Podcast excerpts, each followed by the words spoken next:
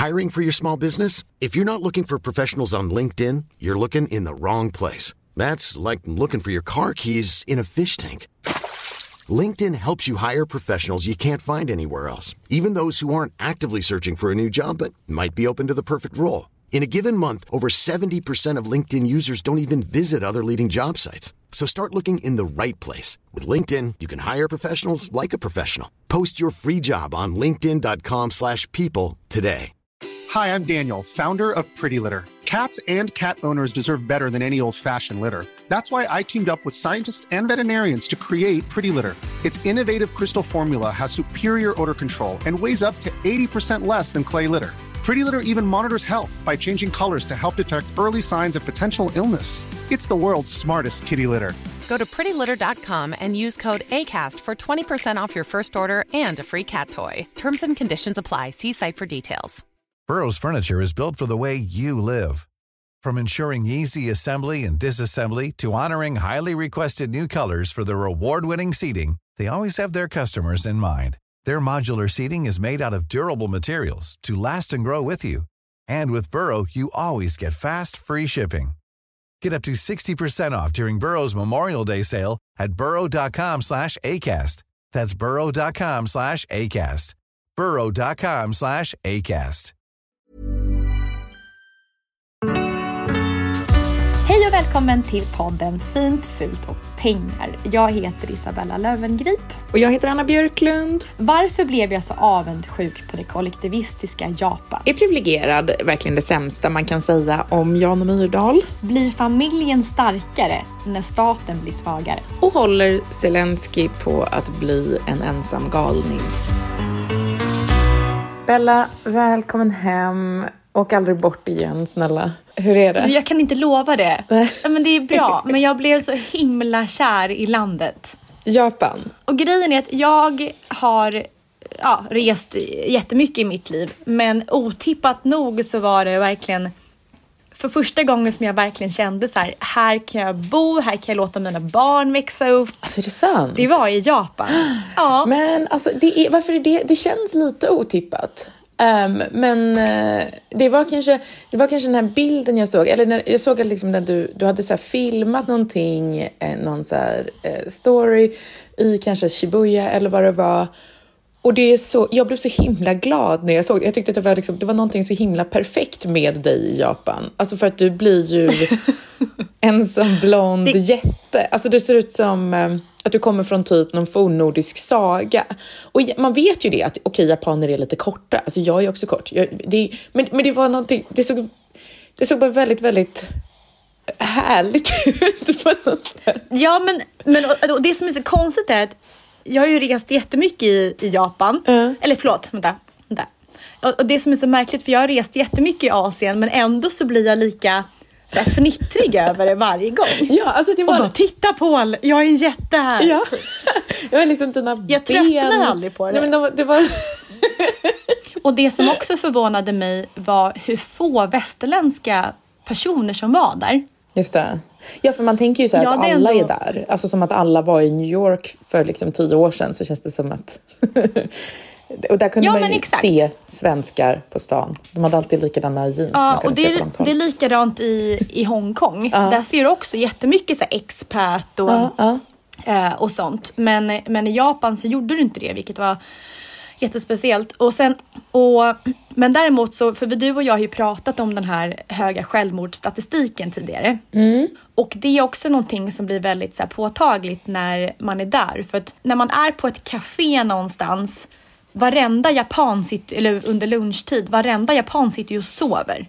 Oh, det, det, och, det är jag också avundsjuk på. Det vill jag också göra varje lunchtid. Men I början så satt vi och, och liksom, här, skrattade lite åt de här japanska männen som typ snarkar när vi tar en kaffe. Uh.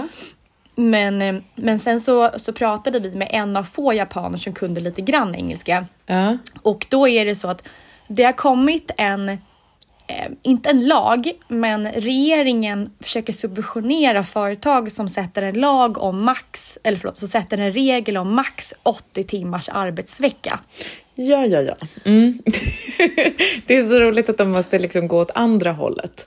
Alltså att de, de måste ha ett arbetstak istället för... Ja men, ja, men och det är galet. Alltså, det är helt galet. Så sitter man och jobbar sådär nästan, det blir nästan, det blir nästan 18 timmar, 16 timmar om dagen. Uh, uh. Och då blir det ju så att man tar sin liksom nap på lunchen för att orka.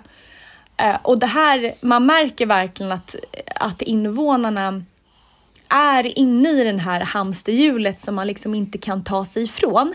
Nej. Och det jag tror som är skillnaden mellan en person som bor i Kina som är en, en liten spelare i en stor liksom, grupp, grupp och det betyder ingenting, den här individen. Mm. Så tror jag att japanerna är mycket mer medvetna om vilken situation de har jämfört mot andra länder. Mm. Det finns ändå en annan nyfikenhet mot andra länder vad jag upplevde än kanske en, en, en, en person i Kina som är verkligen helt så här, doktrinerad i att Kina är allt. Mm, mm, mm, mm, Och jag tror just den här medvetenheten gör att man mår ännu sämre. Men vadå, tror du att de är avundsjuka på oss? Jag tror bara att de, de, de förstår att det finns ett annat sätt att, att leva. Ja, just det. Men att de, ja. är, de är fast. För till exempel så har man både, alltså kvinnor har ju verkligen kämpat för, för högre alltså jämställdhet. Alltså, de har tagit sig fram då i en liksom arbets ett arbetsliv liksom där det just är ganska standard att jobba 80 timmar i, i veckan och också att vara liksom så lojal mot sitt företag, att det liksom är ens riktiga familj typ. Eh, Ja. Liksom. Och det är väl därför också då barnafödandet typ har inte bara gått ner utan så här, alltså typ försvunnit liksom, i Japan. För att det, det, är- alltså, det är verkligen fysiskt omöjligt att ha både en 80 timmars vecka och eh, en familj. Ja, exakt. Alltså där, alltså där bo- Nej, men- det, det är först omöjligt att vara ihop med någon om båda jobbar 80 timmar på varsitt håll och behandlar det som sin sanna, sin riktiga partner liksom. Men det som man också har sett då, att självmordsstatistiken har ju inte minskat trots ökad jämställdhet. Nej. Och det, och det är precis som du säger att, att har man det här, ja men exakt som du sa, att har man det här hemmet och jobben så får man inte ihop det. Nej. Eh, och sen likadant, alla är ju så extremt liksom, artiga och, och ställer sig i ledet. Och, och det var någonting som Gillis kommenterade. Mhm. Att så här, vill de vara så här snälla eller måste de vara så här snälla för att de inte vågar något annat? Just det, finns det, finns det liksom, är det någon som håller i tyglarna här? Blir de straffade annars? Är det liksom, vad, vad, Ja. ja. Eller är de bara födda som liksom fantastiska medmänniskor? Men det är väl en kollektivistisk kultur, he, heter det väl? Det är väl det eh, forskarna kallar det. Liksom. Att, att man just, individen inte är lika viktig, att liksom den så personlig hävdelse liksom inte är eh, meningen med livet. Mina barn skulle nog spontant tolka eh, japaner som ett väldigt lyckligt folk som lever i ett väldigt rent och hjälpsamt samhälle där man liksom alltid finns där och ställer upp och hjälper till och, och sånt. Men, men det ligger något mörkt bakom som jag har försökt förklara för barnen. Men, men det var så roligt för det, finns, det blir ju verkligen kulturkrock när man är, man är där borta.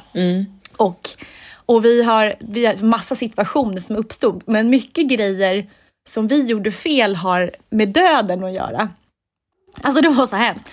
En av de mest grejerna man får- inte får göra är att du får inte sätta dina alltså chopsticks i riset. Får du inte? Alltså det är strängt förbjudet. Nej. Men hur äter man sitt ris då? Du får, nej men du får äta riset men sen måste du lägga ner pinnarna på, Ja, på, den här lilla tallriken. kudden som är bredvid. Ja, exakt. Ja. Och, och det här är någonting som inte jag... eh, Alltså barnen lärde sig att äta med pinnar där borta. Så de, ja, men, när de var klara med riset så stoppar de ju pinnarna i riset. Men det här, alltså, och då sprang servitrisen till oss Va? och sa det att har du pinnarna i riset så innebär det, alltså det är en, det är en gest till en någon som har dött för att då kan de få med sig maten under färden upp. Va?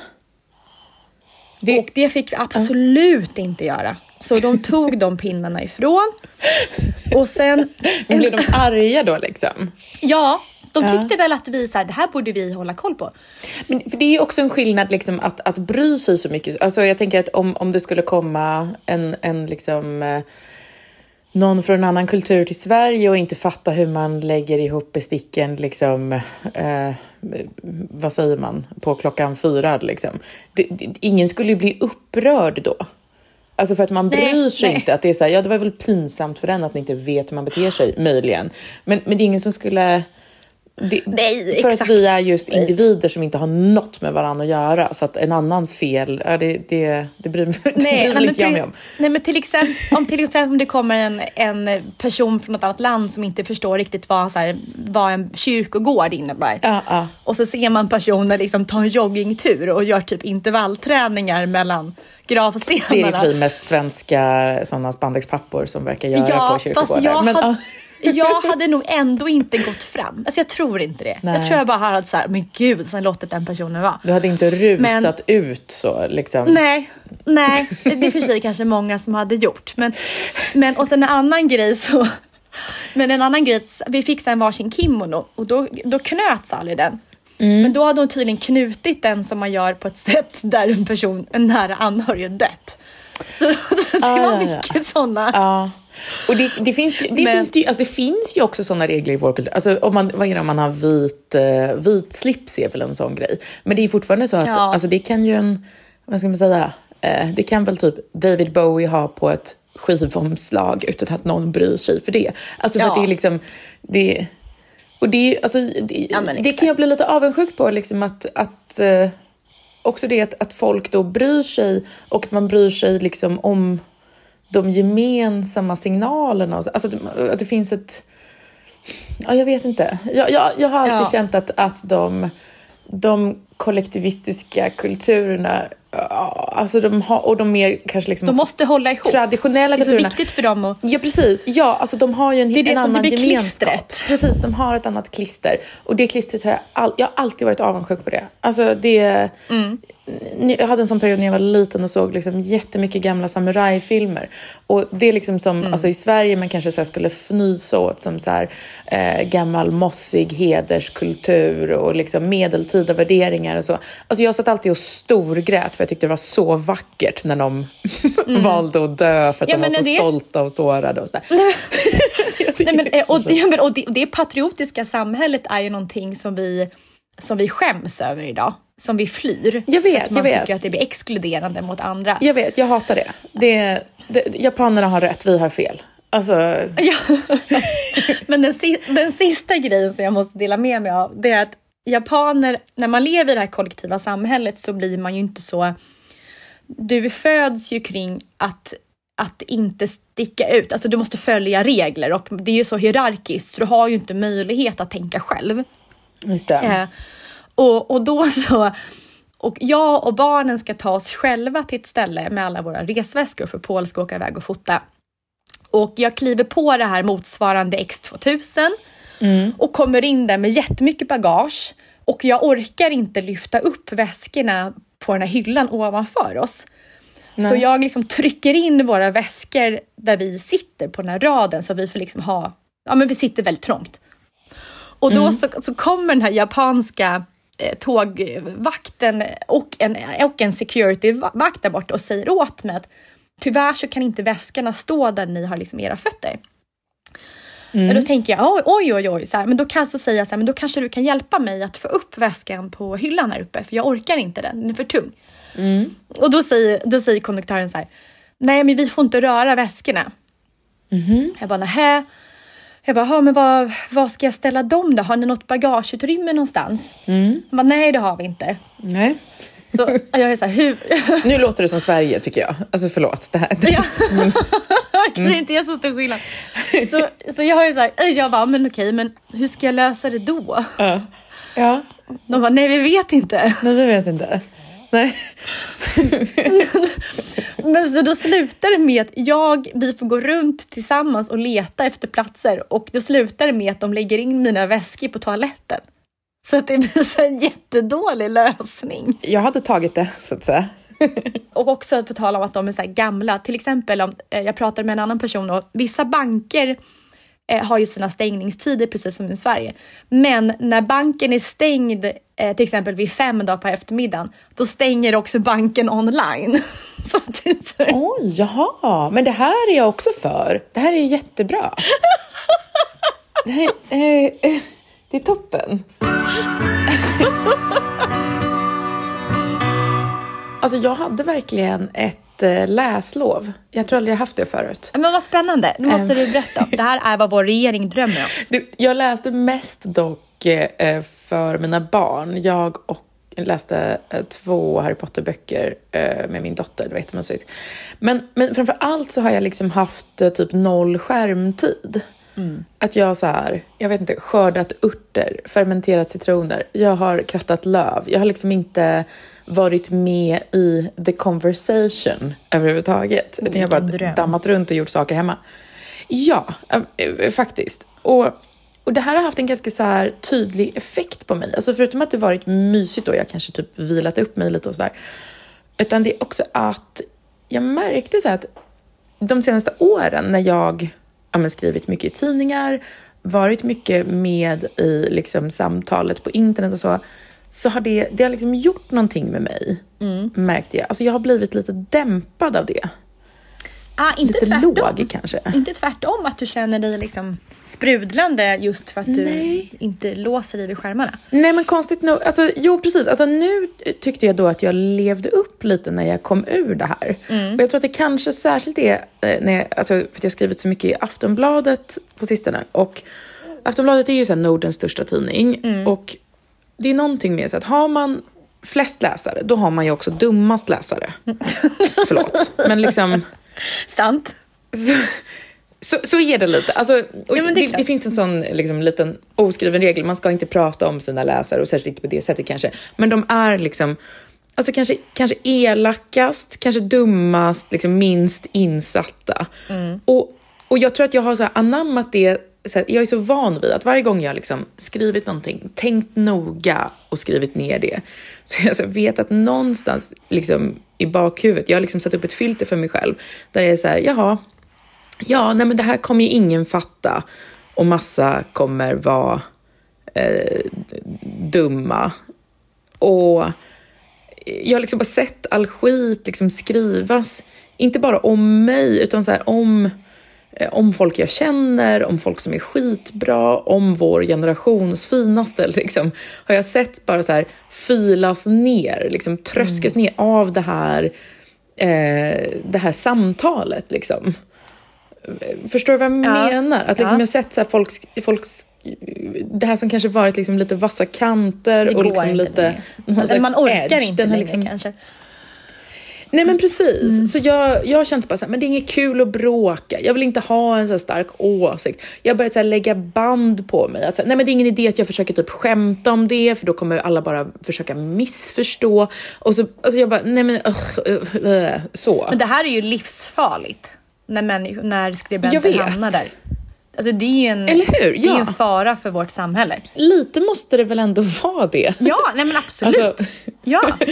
det, är en fara för demokratin om jag eh, inte skämtar om, om eh, partiledares frisyrer och sånt.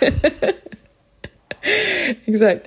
Men, men nu så, det kanske varit så två veckor när jag har varit väldigt lite liksom, i min telefon. Så nu har det liksom någonting så här vast och taggigt i mig börjat växa tillbaka. Mm. alltså jag, när jag inte varit på internet så mycket så har det hänt något med mig att jag känner mig liksom jag har blivit kaxig igen, mm. Bella. Mm, jag fattar, jag fattar det. Ja. Att jag känner såhär, men I'm not loss. here to make friends. Liksom. Nej men du har brutit dig loss ja. från att det här medel, eh, ja men anpassa dig för andra. Eh, just Exakt. det blir inte ditt dagliga liksom, konsumtion av texter som du själv hellre läser som andra skriver. Nej precis, och att jag måste förhålla mig och att jag måste liksom, eh, ja men just så här, att allting måste passera någon slags Exakt. tjockt liksom, filter.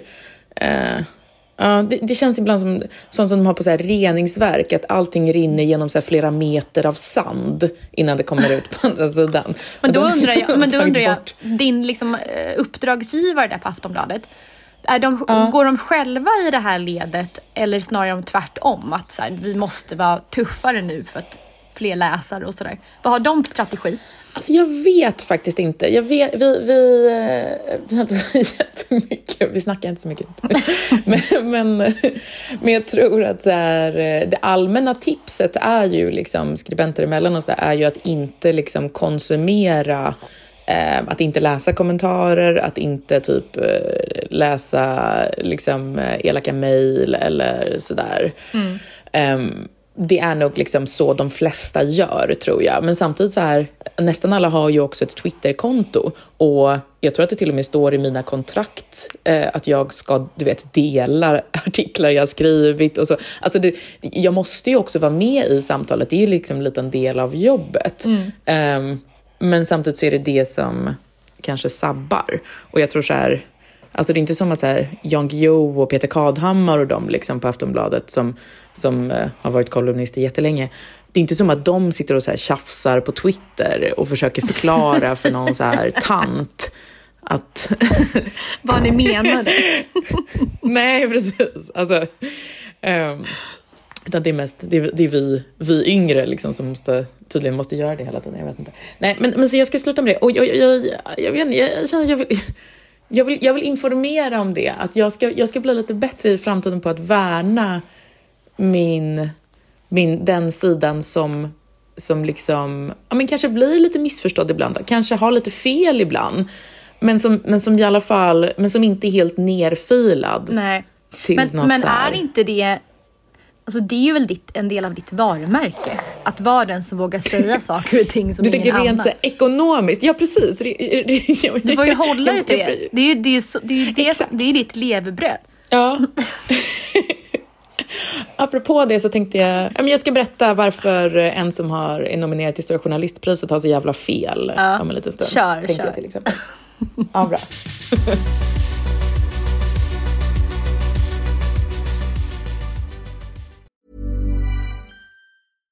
One size fits all seemed like a good idea for clothes. Nice dress. Uh, it's a it's a t-shirt. Until you tried it on. Same goes for your healthcare. That's why United Healthcare offers a variety of flexible, budget-friendly coverage for medical, vision, dental, and more. So whether you're between jobs, coming off a parent's plan, or even missed open enrollment, you can find the plan that fits you best. Find out more about United Healthcare coverage at uh1.com. That's uh1.com. Hiring for your small business? If you're not looking for professionals on LinkedIn, you're looking in the wrong place. That's like looking for your car keys in a fish tank. LinkedIn helps you hire professionals you can't find anywhere else, even those who aren't actively searching for a new job but might be open to the perfect role. In a given month, over 70% of LinkedIn users don't even visit other leading job sites. So start looking in the right place. With LinkedIn, you can hire professionals like a professional. Post your free job on linkedin.com slash people today. Wow. Nice. Yeah.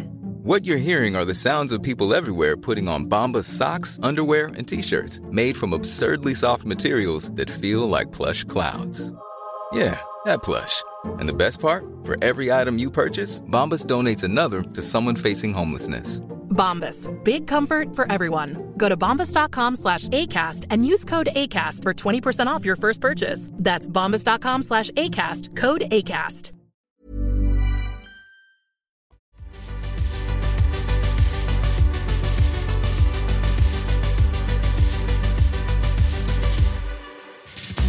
Du vet det här med att skriva böcker om sina föräldrar, Isabella? mm, som har varit väldigt eh, poppis den senaste tiden. Precis. Särskilt om man kan berätta att de var dumma ju. Det är en, för det är en rolig genre, tycker alla. Mm, det, är, det är en, en eh, lätt att plocka poäng. Ja, det är lukrativt. Jag har ju själv, och... Eh, jag har själv gjort det här så jag kan ändå tala för, ja. för det här. Ja, men eh, föräldrar är väl ofta lite dumma. Alltså... och, jag, det, det, det, och det är ju eh, spännande och läsning som, vad ska man säga? Alla gillar Men det har ju enkelt. blivit tröttsamt. Det har ju blivit tröttsamt. Mm. Och jag, eh, jag tror också att vi som har gjort det, eh, jag tror många av oss ångrar det idag. Tror du det? Ja, ja.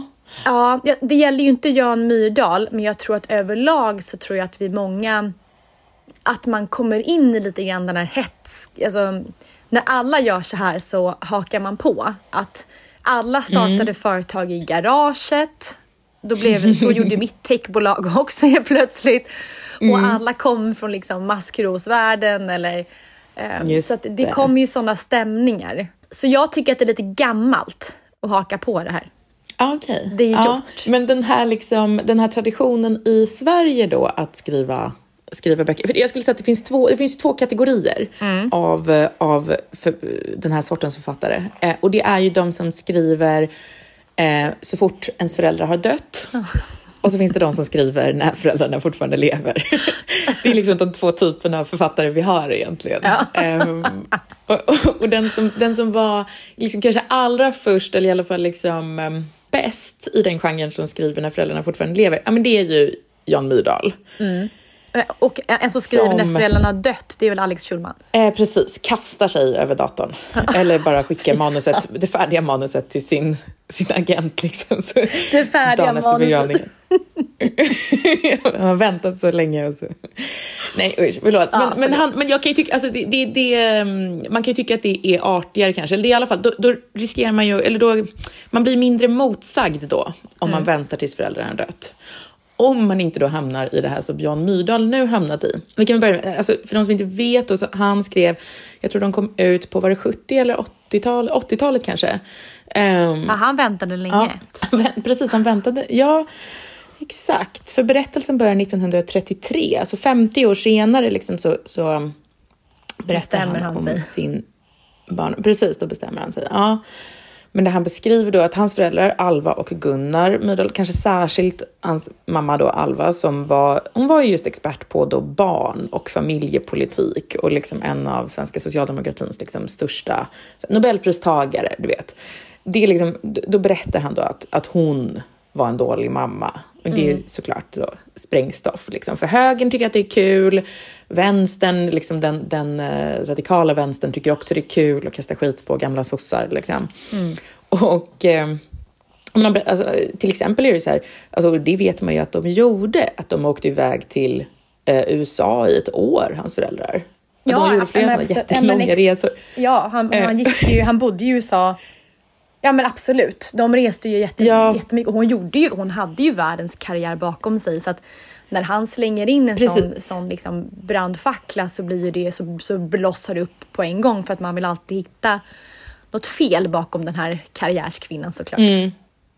Ja men precis, och det kan man tycka att det är så här, menar, att det är typ misogynt, liksom att det är bara för att hon var kvinna och så där. Men samtidigt så här, alltså hon var ju borta oss mycket och det är väl, alltså på den tiden man inte typ kunde facetima varje kväll eller så heller, utan bara så här, att hon kanske typ aldrig riktigt kände sina barn så, alltså är man borta ett år, då, mm. det är väl en del man liksom missar då.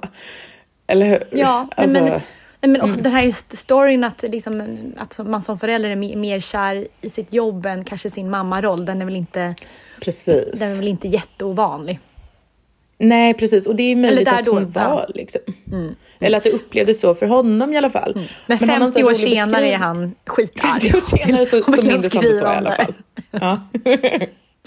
Oftast brukar det bli tvärtom, att man liksom förlåter under årens gång. Men han ja. har bara suttit där Nej, men han har bara arg jobbat upp en helig vrede, liksom, decennium efter decennium. Men, men han har en rolig beskrivning av henne som jag, som jag så tycker är så, alltså, även om den stämde eller inte, men jag, jag, jag förstod så precis vad han menade när han beskrev sig sin mamma, uh, stackars Alva då, han säger att hon inte hade något djuröga. Och vad menar han med det? Gud, vad, men, vad menar han med det? Men det är ju någon så här, vissa mammor är ju så att det är någon så här typ liten instinkt som saknas. Ja, men alltså, en tigermamma, att man är, nej, att man ser över sina barn. Det är inte så han menar? Ja, alltså, nej, men jag tror bara att det är någon så här, att hon inte, att hon kanske inte, hon, det kanske betyder att hon är lite, var lite aspig, liksom, eller lite autist. Nej, alltså lite så här, att hon mm. bara inte fattar känslor så bra. Eh, och då kanske inte, Alltså den, jag ser ofta det, liksom, vissa föräldrar har ju inte så mycket djuröga och kan inte se så här på liksom sina barns kroppsspråk. Vissa, vissa fattar ju direkt så här, men han behöver det. Liksom. Mm. Han, egentligen är ledsen över det här. Men vissa bara fattar inte det. Liksom. Och då blir det ju ofta väldigt svårt. De fattar inte vad barnet behöver. Så. Nej, nej. Och, um, men det är väldigt taskigt att säga såklart. Och det var väl därför det blev en jättepoppis bok också, för att den var så taskig. mm. Men nu har då Janken Myrdal som är Jan Myrdals barn, eh, skrivit en bok om honom. Mm. Om att han var sämst. Eller egentligen då. han har så publicerat, eh, låtit publicera sin pappas brev till sin då farmor. Ja, ja, alltså, och eh, farfar. Så breven då som hans pappa ville eh, bränna upp hade hans Alma farmor och farfar sparat. Mm. Och nu då när han har dött eh, så kommer de här så kommer de ut jättesnabbt. Nu kommer de här Nej, nej. Många år senare. ja. Och där, och där liksom kontentan är att han var, typ, han var jättebortskämd av sina föräldrar. Alltså att hans mamma till och med fixade det här huset till honom som han bodde i. Typ, han var typ 93 eller någonting liksom. Och att hon faktiskt verkade älskat honom jättemycket, sa hon i alla fall. Liksom. Alltså, och, så det den här liksom spelar på, det är ju då det här fadersmordet är ju att det fulaste man kan vara i vår tid är kanske att vara bortskämd eller att inte vara self-made och inte stå på egna ben och så. Mm. Eller att vara privilegierad då, Mm. vilket Jan Myrdal då Var. avslöjar hans Exakt. son var. Exakt. Precis. Mm. Men men det är egentligen lite konstigt för det visste, alla visste ju att han var privilegierad. Alltså om ens, om ens föräldrar är så här världsberömda nobelpristagare. Alltså är det, är, det, ett- är det en skräll då att han typ inte var jättefattig? Eller va? Ja, exakt. Jag undrar varför man Jag gör så. Men kan det inte ha också att den här, den här vänsterrevolten, eller snarare så här, den politiska revolten mot sina föräldrar, eller Mm. för- mot samhället kanske, det har växt upp i. Den bör, att, för han har ju själv beskrivit att han hade väldigt svårt i skolan. Och att han, att han eh, själv kände att han inte alls lika liksom, ja, men duglig som sina föräldrar. Och det är klart, det är ju enormt svårt att leva upp till sina föräldrar när man tittar på deras CV. Och att, att där, Precis. där någonstans i liksom tonåren så börjar det gro ett hat Mm. mot sina föräldrar.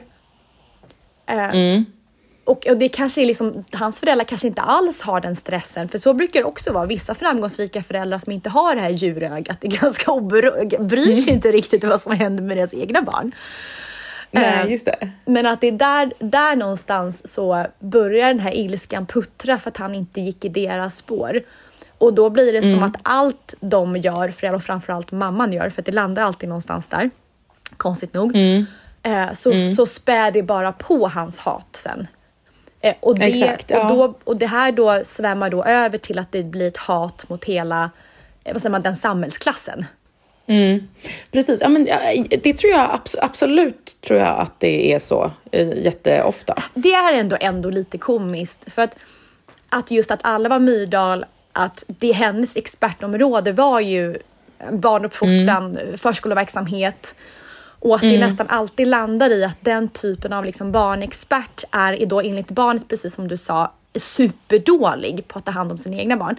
Alltså, jag drog direkt parallellen till, till Anna Wahlgren. Exakt, det var ju också en sån. Precis, absolut. För hennes dotter Felicia Fält, Mm. hon skrev ju sin bok Felicia försvann och där hon totalsågar sin liksom, mamma som är berömd för ja, men det här sova hela Ja. natten och hela det där. Eh, Precis, barnaboken som sålt en halv miljon exemplar i Sverige. Alltså alla av i vår föräldrageneration läste ju den och hade den hemma och så. ja.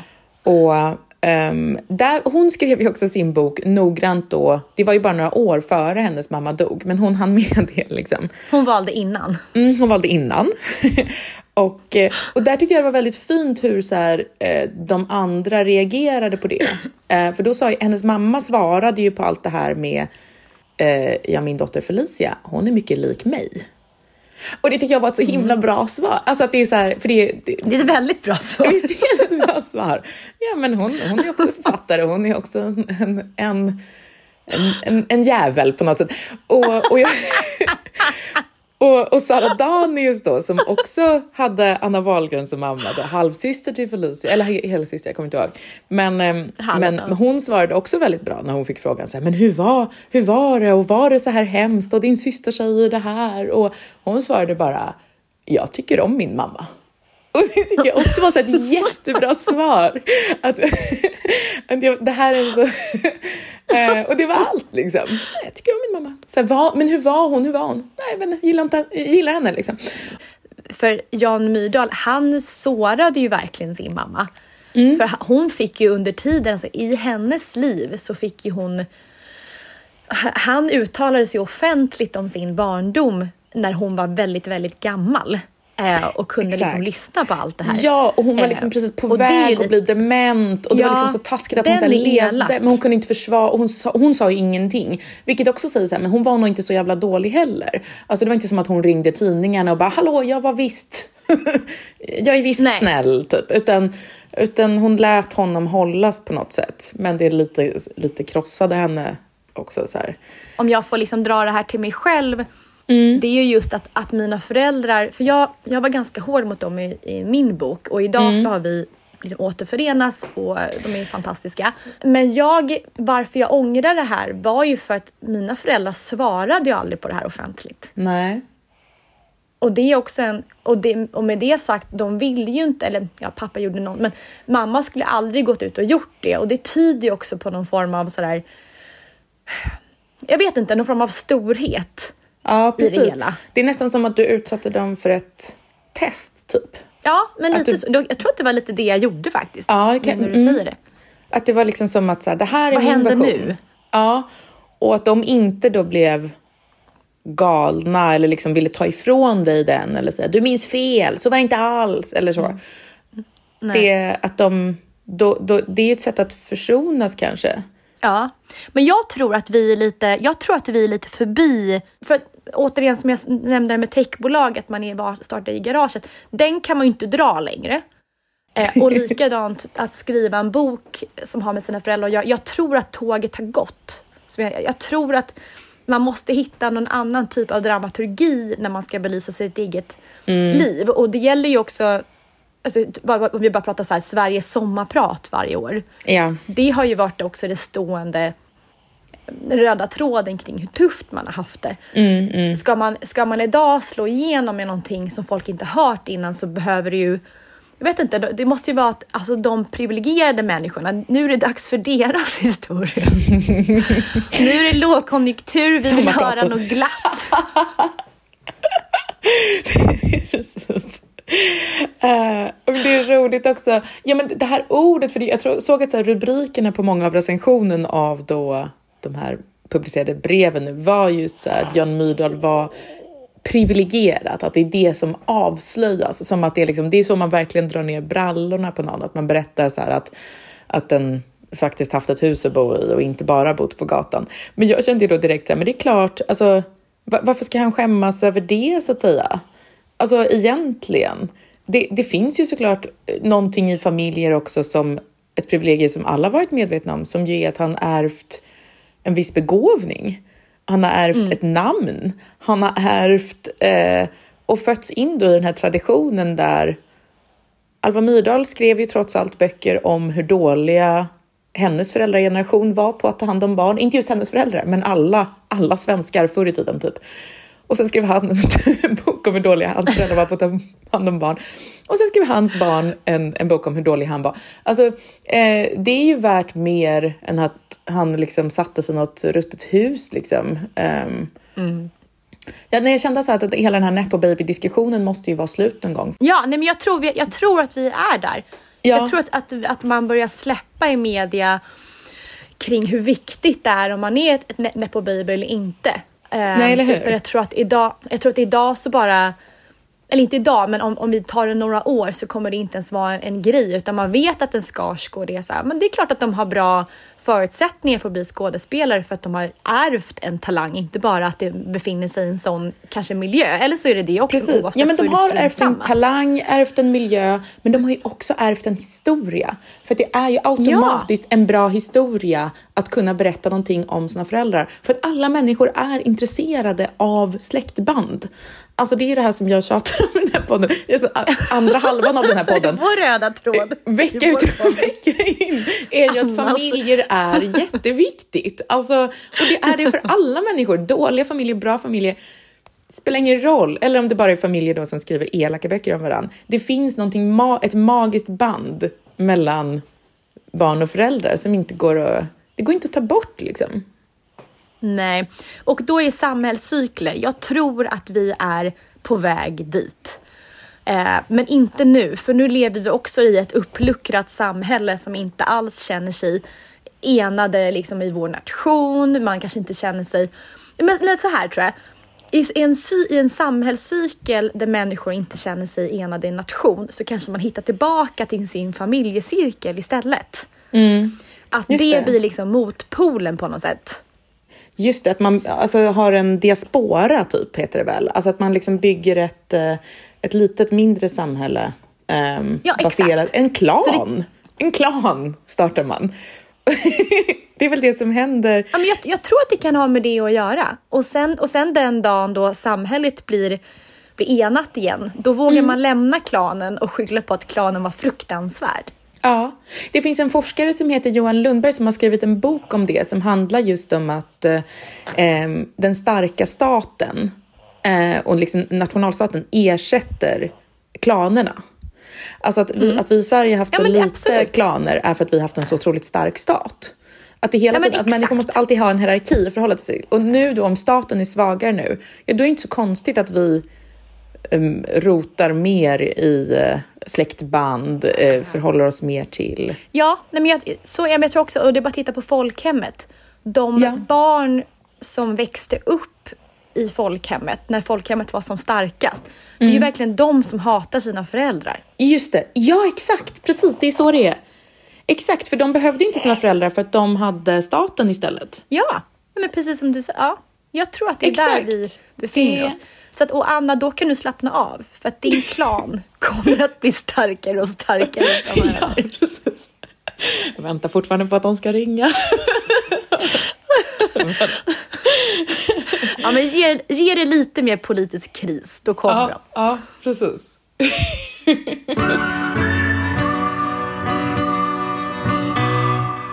Nomineringarna till Stora Journalistpriset kom ut medan du var i Japan. Mm, jag har ingen aning om något i och med att jag inte har följt media Nej. så mycket. Jätteskönt. Vår bevakning av fillersmarknaden var såklart med. Ja. Men eh, Peter Englunds reportage i DN mm. från eh, eh, när han var i Ukraina, det var de nominerat. Ja. Um, och det kom i, jag tror det var typ i februari eller något sånt där, när då väst fortfarande var väldigt engagerade. Mm. Och när alla våra politiska partier i olika västländer fortfarande tävlade om vem som var mest liksom, pro den ukrainska saken mm. och den ukrainska självständigheten och sådär. Mm. Och eh, nu, alltså samtidigt som de här nomineringarna kom, så var det ett stort reportage i Time Magazine. Alltså samma tidning som, som också då typ ja, men för ett år sedan när, när det var hett utsett Zelensky till Person of the Year. Mm. Um, samma tidning rapporterade från Ukraina nu. Och alltså det var väldigt så här, intressant för jag har faktiskt inte, det, jag ska inte gnälla på svenska medier, men jag har liksom inte riktigt sett det eh, eh målas upp så stort i svenska medier. Nej. För de beskriver liksom Ukraina som så här, helt utmattat. Mm. Alltså de använder ordet exhausted väldigt mycket. Ja. Att de, så här, de förlorar, de förlorar män, de förlorar territorie och, och liksom en massa källor runt Zelensky beskriver honom som nästan så här verklighetsfrånvänd. Liksom, att det, Utbränd. det går så dåligt. Ja. ja, precis. Att han liksom bara mm. ångar på så här. Men, men det här är den bilden som, som jag har. Och, men han hade så här beordrat en attack av en stad som varit så ockuperad av Ryssland sedan förra invasionen. Ja. Och att befälhavaren som var där bara så här måste svara så här med vad ska mm. vi attackera menar du? Mm. Alltså, eh, vapnen är slut, de måste tvångsrekrytera så här medelålders män. Så ja, snittåldern i armén är jättehög. Alltså, för så många unga har redan dött liksom, eller, eller tagit sig loss eller betalat någon för att hamna ur värnpliktssystemet och sådär. Alltså, Men du menar att svenska, ja. svensk media inte rapporterar på det sättet? Det har inte kommit motsvarande reportage som de Peter Englund skrev då förut som har blivit så väldigt stora, väldigt lästa, väldigt delade när folk förstår att så här, oj då, det här går väldigt dåligt. Mm. Det, det, det, verkar inte riktigt så här folk verkar inte riktigt ha insett det tror jag. Att, eh, att förra gången så Zelensky kom till Washington, då, då stod det så här att ja, men då fick han 13 stående ovationer innan de slutade räkna, eh, sa en senator i den här artikeln. Att det var liksom, det var verkligen så här, det fanns inget viktigare då. Han var liksom världens största stjärna och, och han var också mm. världens viktigaste person. Men nu vill de väl inte ens att han ska åka dit? För att det kommer inte alls Nej, bli samma... exakt. Senaste gången så fick han inte komma in och tala alls. Eh, för Ukraina mm. har blivit en sån splittrande fråga. Liksom. Och, eh, och Zelensky, liksom, han själv beskriver det som det här kriget som att det är viljor som är i krig med varann. Mm. Alltså, alltså han antyder då typ att Ukraina ska vinna på ren viljestyrka. Mm. Eh, alltså det är så, ja. det, det är ju lite Eh, alltså, men, ja, men det är ju... De beskriver honom liksom som lite delusional, alltså att han, han vägrar liksom att ta in, han är bara väldigt, väldigt arg på västs svek liksom, som han tycker att det är. Mm. Um, men det finns ingen riktig plan hur man ska hantera det för att han liksom vägrar att förhandla eller ens, eh, ens ha ett eldupphör vad jag förstår. Mm. Det svåra blir ju nu, precis som du sa innan, när äldre personer rekryteras in. Eh, många soldater i princip vägrar utföra hans order för att man vet att det är lönlöst. Och har man inte hoppet hos sina liksom med, eller medborgare som ska försvara, då, då har han ju ingenting. Eh, Nej, precis. Och han har ju ans så tidigare har ju han varit en superstar, en stark ledare som ja, men folk vill göra som han säger. Eh, det, för, mm. det som är en stor fara är ju den dagen han börjar, att han, att han har, att, att, att folk tycker att han är eh, ja, men, eh, galen, världsfrånvänt, att han inte riktigt har koll på hans ja, beslut. Ja. Att han har målat in sig i ett hörn liksom. Då förlorar han, för då får han inte stora massan mm. med sig, varken medborgarna eller liksom globalt stöd. Nej men precis. Och, och jag tänkte så på Peter Englund då, alltså som varit så engagerad i Ukraina och eh, deras vinst. Liksom. Alltså Peter Englund, författaren, historikern, akademiledamoten och då nu journalistprisvinnaren säkert. Um, I början av krigen så lyssnade jag på en podd, eller ett P1-program där han var med och uh, ropade högt liksom så här, vi måste stötta, vi måste stötta, vi måste stötta Ukraina. Det här är liksom en så otroligt viktig fråga och, och vi ska bara skicka allt vi har hela tiden. Liksom. Mm. Och till slut så fick han så här frågan då, så här, men finns det någon punkt där det är värt att försöka förhandla om fred? Eller, eller är det bara liksom, ska, ska man bara trappa upp, upp, upp, upp, upp? Mm. Finns det en gräns liksom? Och då svarade han så här, men var den gränsen går, det kan bara ukrainarna avgöra.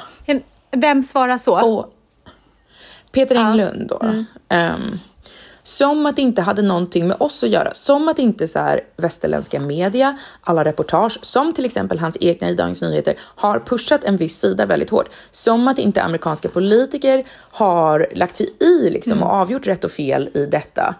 Alltså, för just nu går liksom Zelenskyj runt och kokar av vrede och känner sig så sviken, ja. vilket han ju är. Ja.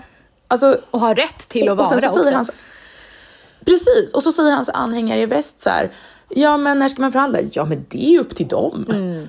Alltså det, det, är någonting så här. Jag skrev liksom att, äh, att, att jag tycker att liksom det påminner om så här att väst har liksom typ gått in som en, så här, en pappa på krogen som säger så här, äh, vi, vi betalar. Ja, vi, det, här, det här är liksom det, det, finns inget större, det finns inget viktigare. Vi, vi tar notan. Och sen när notan kommer så stack den. Ja, exakt. Och nu står liksom ukrainarna där och har tömt baren. Mm. Och, och, och, och vad, det här alltså, blir, så gör man nej, inte. Och det här blir en ond spiral, precis som innan. Att när väst backar, då framstås ju han mer, eller då blir han mer desperat, självklart. Ja, och ja. han och han blir ju då mer och mer pressad, tar till beslut, tankar och åsikter som kanske inte riktigt är rationellt, till exempel som att man inte vill förhandla överhuvudtaget.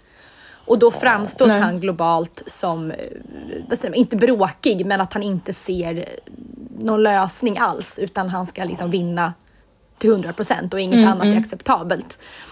Acceptabelt. Där, Precis, vilket ju nyss var vad alla lovade honom ja, var det enda rätta ja. och vad de skulle se till att driva igenom. Exakt. Och vilket ju precis. ser väldigt, Nej, för, ser ut som att det ligger väldigt långt bort nu. Ja, för alltså världen orkar bara rapportera om ett krig åt gången. Och mm. också att det här kommer också bli västvärldens, eh, vad säger man, essa i rockärmen att också smita därifrån. För att när Zelensky inte mm. uppfattas mm. stabil längre så är det lättare att backa. Precis, jag tror ju, alltså, det, jag är ju lite så, förlåt, men liksom fredsförespråkare på det sättet. Jag tror att det är det är ganska få krig som jag skulle skicka ut liksom mina söner att dö i för att jag tyckte de var så viktiga. Mm. Alltså jag tycker typ att, du vet, Nyamko Sabuni när hon sa så att om, om liksom Putin invaderar Sverige, ja men Flytta, då åker jag ja. till Norge, det är jättebra, jag har en sommarstuga i skogen. Alltså det är inte en så konstig inställning. Alltså förlåt, men det är ju så. Ja. det, det är väl liksom, ja, alltså jag är mycket mer eh, där. Eh, liksom. Mm. Och, och det var ju de flesta svenskar förr också. Och sen så kom den här liksom krigsvågen som jag inte riktigt fattar, som låg uppenbarligen och puttrade mm. i människors psyken. Men, men, men ehm, det här har ju med, men jag vet inte. Det här har ju med det som vi pratade nyss när, när det gäller Japan, att när vi inte har ett samhällsklister som håller ihop oss, när allt det här patriotiska är borta, då finns det ju ingen mening att strida för sitt land. Så då gör man ju hellre en Nyamko Sabuni och drar någon annanstans för att man vinner ingenting ja, på precis. att stanna. Ja just det, ja, nu fick du mig. För att just det, jag sa ju nyss att det var så himla vackert med de här samurajerna som liksom valde att dö en ärofylld död och så. Det, en ärofylld död för, för Japan, ja. En men inte för, för Sverige. Nej, exakt. nej, nej.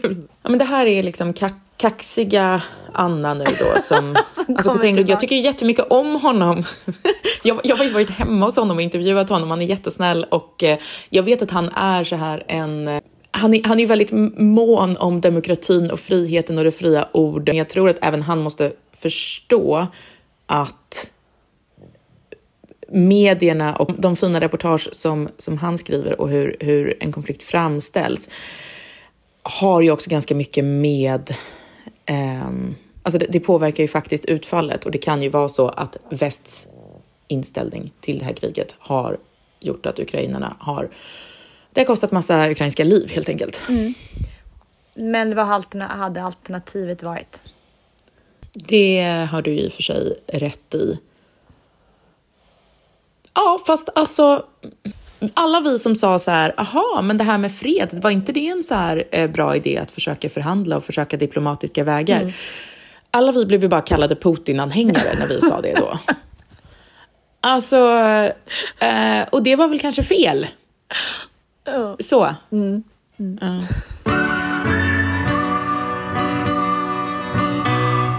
Jo, jag vill också säga det här att vi har fått in en massa frågor till fina linjen det är min tyvärr skärmfria tid och mitt höstlov som gjort att de inte kommit ut. Vissa har skickat in frågor eh, två gånger till mig, eller vi har fått dem. Och ni får gärna skicka in fler också. Vi kanske gör jättemånga fina linjen eh, eh snart. Det, det, kommer, det kommer. Och nu i helgen kommer ett. Så nu i helgen kommer ett och eh, ni får gärna komma ihåg dels att skicka in då frågor på röstmemo till vår mejl eller till oss på Instagram i sociala medier. Och ni får också komma ihåg att eh, skriva en recension kanske. Kanske en glad recension om ni har lyssnat så här långt så kanske ni gillar podden. Och kom ihåg att följa och dela den också. Varför inte? Gör oss mm. glada. Tack. Gör oss glada. Hej då.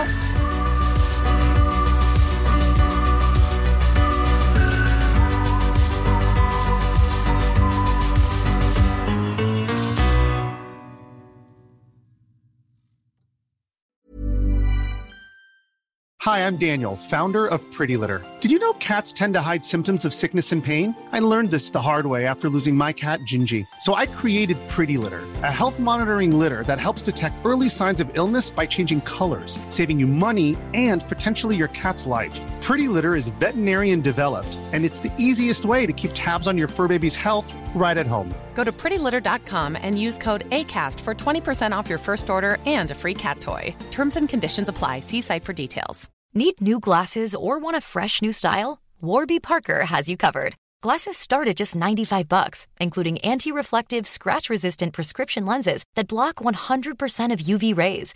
Every frame's designed in-house with a huge selection of styles for every face shape. And with Warby Parker's free home try-on program, you can order five pairs to try at home for free. Shipping is free both ways too. Go to warbyparker.com slash covered to try five pairs of frames at home for free. warbyparker.com slash covered. This message comes from BOF sponsor eBay. You'll know real when you get it. It'll say eBay Authenticity Guarantee. And you'll feel it. Maybe it's a head turning handbag, a watch that says it all, jewelry that makes you look like the gem, or sneakers and streetwear so fresh every step feels fly. eBay gets it. So look for the blue check mark next to that thing you love and be confident that every inch, stitch, sole, and logo is checked by experts. With eBay Authenticity Guarantee, you can trust that feeling of real is always in reach. Ensure your next purchase is the real deal. Visit eBay.com for terms.